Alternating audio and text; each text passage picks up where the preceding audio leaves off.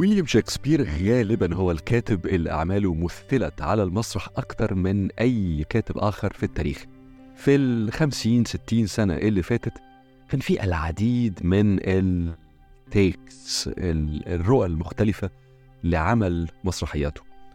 فشفنا مثلا تصوير لهاملت بدل ما ما هي عن أمير دنماركي فإذا بالمسرحية معمولة في إطار بلاط أفريقي مثلا في نهاية القرن التسعة عشر آه، مثلا شفنا مكبث بدل ما هي عن قائد عسكري بيقتل ملكه في اسكتلندا في العصور الوسطى فإذا بالمسرحية متغيرة آه لتكون في أمريكا اللاتينية في منتصف القرن العشرين مثلا.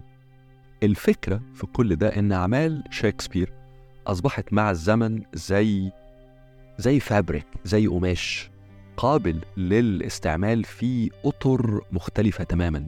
لكن دايما مع الحفاظ على الأفكار الرئيسية في هذه الأعمال أو المسرحيات. فمثلا هاملت بتصبح عن صراع نفسي حول فكرة الانتقام وعلاقة الابن بأبوه وأمه. ومثلا مكبث بتصبح تعبير عن الدراما اللي ممكن آه، تنتج عن طموح ما يعرفش له أي حدود. لكن في كل هذه التيكس التصويرات المختلفة لأعمال شكسبير دايما دايما على الأقل في اللي أنا أعرفه يعني كان في التزام بالأطر العامة للقصة اللي وضعها شكسبير. لكن من كام سنة دار نشر إنجليزية. هوغارث بريس عملت مشروع مثير للاهتمام وهو إنها جابت عدد من الكتاب المهمين المعروفين اللي ليهم روايات ناجحة جدا وطلبت منهم أو عملت لهم commissioning إن هم يتناولوا مسرحيات شكسبير كمجرد أفكار يعيدوا كتابة هذه المسرحيات مع قابلية تغيير القصص نفسها. الفكرة دارنج حبتين يعني. لا شك فيها خروج قوي عن المألوف. والنتائج اللي طلعت منها كانت مختلفة. بعض الكتب اللي طلعت من هذا المشروع في رأيي ركزت قوي على الجانب النفسي في القصة اللي كتبها شكسبير في أيا كانت يعني من من مسرحياته. فمثلا التيك الجديد عن مكبث وهي في رأيي من أروع مسرحيات شكسبير دخلت قوي في عمق ليه مكبث كان نفسيا مستعد أن يصل بطموحه إلى حدود إنه يقتل. وليه ليدي مكبث مراته كان عندها درجة مهولة من الأوبسيشن بإن زوجها يصبح ملك أو إنه يجب إنه يصبح ملك. ثم ليه الاثنين بسرعة أخذهم الجلت الإحساس بالذنب إلى ممكن حد يقول تقريبا الجنون أو إلى الانطواء قوي جوه النفس وترك كل شيء بما فيه كل اللي أرادوا وسعوا إليه. فهنا التصوير الجديد لمسرحية شكسبير بيدي كونتكست بيدي خلفية أو أفكار أعمق وتصورات عن الشخصيات ودوافعها و... ومكنونات نفسها مش موجودة في العمل الأصلي اللي كتبه شكسبير في المقابل بعض التيكس بعض التصورات الجديدة زي مثلا اللي اتعمل في هذا المشروع مع هاملت وهي غالبا المسرحية الأشهر لشكسبير كانت تقترب من الكوميديا أو من ال من السورياليزم فشفنا هاملت بيتحول في هذه المسرحية بدل ما هو ولي عهد الدنمارك بيصول ويقول في ال في ال court في البلاط. فإذا به في هذه المسرحية baby baby fetus كده طفل baby في بطن أمه بيسمع ما يدور حولها وبيفهم وبيفكر وبيستوعب. طبعا الموضوع هنا مش مجرد تغيير لإطار المسرحية لكن تغيير كامل لكل شيء حول الشخصية. لكن بالرغم من ده برضو جوهر العمل هنا هو محاولة إيجاد كونتكست سياق لشخصية هاملت لم يعطيه شكسبير في العمل الأصلي. الملفت في كل القصة دي حاجتين. واحد إنه على مدى قرون شكسبير كان في دوائر كتير قوي بينظر إليه على إنه مفكر عميق قوي في النفس البشرية. وأنا تصوري إنه ده في آه طبعا في قدر من الصحة لكن برضه في زيادة حبتين قوي. لأن شكسبير كان في أحيانا كتيرة واخد قصصه من حكاوي كانت منتشرة في إنجلترا وفي أوروبا في القرن الستاشر وكان من قبل ومن بعد بيشتغل في شركة بتنتج مسرحيات.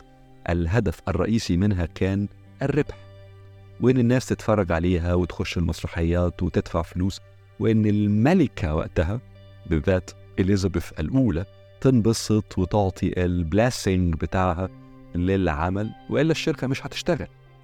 فصحيح شغل شكسبير في الكثير منه كان كان مليان insights آه كان في نظرات عميقة في النفس الإنسانية. لكنه أبعد ما يكون عن إنه تحليلات رائعة للوجدان وللمجتمع والحركة التاريخ. واللافت إنه العديد من أهم النقاد الإنجليز اللي كتبوا عن شكسبير وبعضهم كان قريب قوي من كبرى مؤسسات الفكر الإنجليزي زي جامعة اوكسفورد وكامبريدج. ما كانش عندهم هذا ال veneration التقدير الزائد عن اللزوم لشكسبير والأعماله الرجل طبعا يعني طبعا يأخذ حقه كمسرحي عبقري طبعا. لكن ما كانش مطلوب من هؤلاء ال critics النقاد التقال قوي ما كانش مطلوب عندهم تصويره كمحلل نفسي مهول يعني. النقطة الثانية الملفتة في هذا المشروع بتاع دار النشر هذه. هو فكرة أن التكستس الأعمال القديمة اللي تقليديا بينظر إليها على أنها أمهات كتب أو أعمال مؤسسة لفكر معين هذه الكتب ليست ليست خارج إطار النقد. ليست خارج إطار النقد. على العكس الكتب دي زيها زي غيرها. المفروض إنها تكون خاضعة للنقد ونقد متكرر لأنه بيختلف باختلاف العصور والأفكار. النقطة في مجتمعات استوعبتها قوي زي المجتمع الإنجليزي مثلا ما عندهمش قوي إنه في شيء خارج إطار النقد أو حتى خارج إطار ال ال الضحك عليه. لكن في مجتمعات كثيرة ما زالت رافضة تماما لإخضاع أفكار أو كتب أو تكستس عندها للنقد. هنا في مشكلة هنا في مشكلة. بالذات لما بتكون في هذه المجتمعات في تعليم تعبان. زي في أماكن كتير في الحقيقة في في عالمنا العربي. هنا لما بيبقى في رفض لإخضاع تكستس لنقد وتفكير وتفكير بيختلف مع العصور مع تعليم فيه مشاكل كتير قوي. انعدام النقد هنا انعدام أو قلة قوي إعادة النظر وإعادة التقييم ده بيخلق مشكلة كبيرة قوي. لأنها في جوهر قلة أو ندرة الأفكار اللي بجد بتكمن واحدة من أهم المشاكل اللي عندنا إنه مفيش تغيرات. كبيرة بتحصل في المجتمع في الفكر لأنه في ندرة في اعاده التقييم ندرة في خلق أفكار جديدة في إنتاج أفكار جديدة جديدة بتعي بتعيد قراءة التاريخ وبتعيد قراءة الأسس حتى الأفكار المؤسسة لحاجات كتير في المجتمع. علشان كده مثل هذا المشروع اللي هو عن effectively إعادة كتابة شكسبير بسياقات مختلفة. بنقد شديد هذا المشروع فيه الكثير المفيد لينا ولثقافتنا هذه الأيام.